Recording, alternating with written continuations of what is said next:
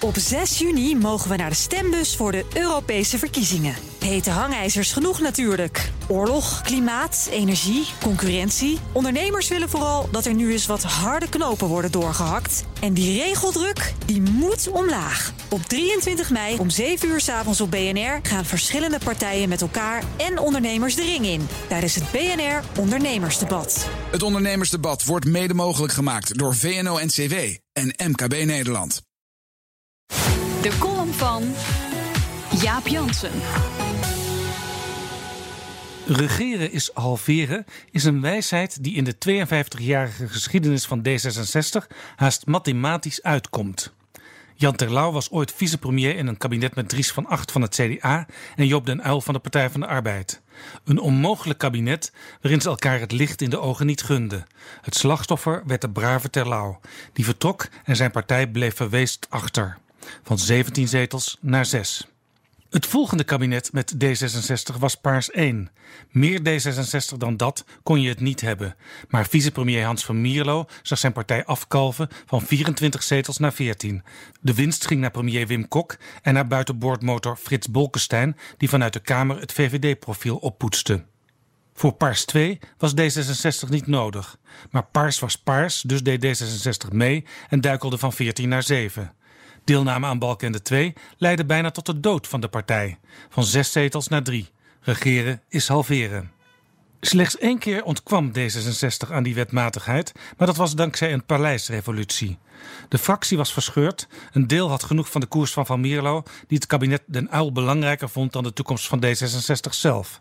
Hij trad af als fractievoorzitter en een nog onbekende Jan Terlouw nam het roer over. Bij de statenverkiezingen verloor D66 bijna alle zetels, maar met Terlouws nieuwe koers kreeg D66 op de valreep er kamerzetels bij. D66 heeft in haar 52-jarige geschiedenis drie succesvolle leiders gehad. Van Mierlo, Terlouw, opnieuw Van Mierlo en de afgelopen twaalf jaar Alexander Pechtold. Sinds hij fractievoorzitter werd, groeide de partij alleen maar. Van drie zetels naar 10, naar 12, naar 19. Maar nu regeert D66 weer voor het eerst onder Pechtold. In de uitslag van de gemeenteraadsverkiezingen voorafschaduwt zich alweer een beetje die oude wetmatigheid. Regeren is halveren. Toch hoeft het niet zo te gaan. Pechtold zit nu niet in het kabinet. In het groenste regeerakkoord ooit, met miljarden voor onderwijs en innovatie, staan dingen waar D66 mee voor de dag kan komen. Maar het is pijnlijk om te zien hoe D66 als eerste van de vier coalitiepartijen onder smalende publieke belangstelling een offer moet brengen. Zonder dat er een alternatief in zicht is, helpt ze zelf het raadgevend referendum om zeep. En daarmee komt ook de D66-draai met de wet op de inlichtingen en veiligheidsdiensten in schril licht te staan. Tot overmaat van ramp dreigt over het succes van Pia Dijkstra, de aangenomen wet op de orgaandonatie, zelfs nog een allerlaatste referendum te komen.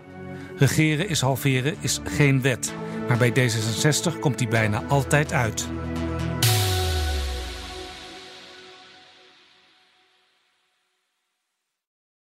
Op 6 juni mogen we naar de stembus voor de Europese verkiezingen. Hete hangijzers genoeg natuurlijk. Oorlog, klimaat, energie, concurrentie. Ondernemers willen vooral dat er nu eens wat harde knopen worden doorgehakt. En die regeldruk, die moet omlaag. Op 23 mei om 7 uur s avonds op BNR gaan verschillende partijen met elkaar en ondernemers de ring in. Tijdens het BNR Ondernemersdebat. Het Ondernemersdebat wordt mede mogelijk gemaakt door VNO-NCW en MKB Nederland.